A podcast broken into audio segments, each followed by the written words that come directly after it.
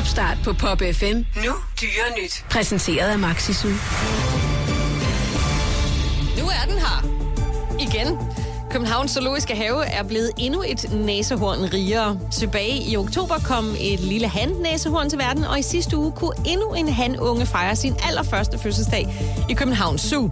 Dyrepasserne glæder sig til foråret, hvor de to unger begge er store nok til at lege sammen under åben himmel på Sus savanne. Næsehornet vejer i øvrigt omkring 50 kilo ved fødslen og ender på omkring 3,6 ton, når han er fuldt udvokset. Vi ønsker stort tillykke med den lille ny hvis du lyttede med i sidste uge, så ville du have hørt om de mest kriminelle dyr fra 2017. Allerede nytårsnat har et amerikansk eon skrevet sig på listen over kandidater til dette års forbryderhistorier. New Yorks politi blev nemlig kaldt ud til et indbrud og greb i bogstaveligste forstand et eon med poterne nede i husets kagedåse. Da politiet ville føre gerningsmanden bort, modsatte dyret sig imidlertid og gik i stedet til angreb på den ene betjent ved at kaste sig mod dennes ansigt. Historien endte heldigvis uden skrammer for nogle af de implicerede parter. Betjenten fik allerhøjst lidt ømme lattermuskler, og Ernet slap i denne omgang med en advarsel og uden yderligere tiltale.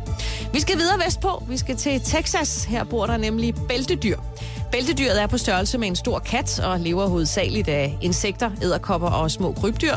Det er nogle sejlivede banditter, der kan overleve det meste, og det fandt en texansk mand ud af på den hårde måde. Han havde nemlig set sig sur på et bæltedyr, øh, så sur, at han fandt sin revolver frem og affyrede tre skud direkte mod den snøftende starut, der møffede rundt på hans grund.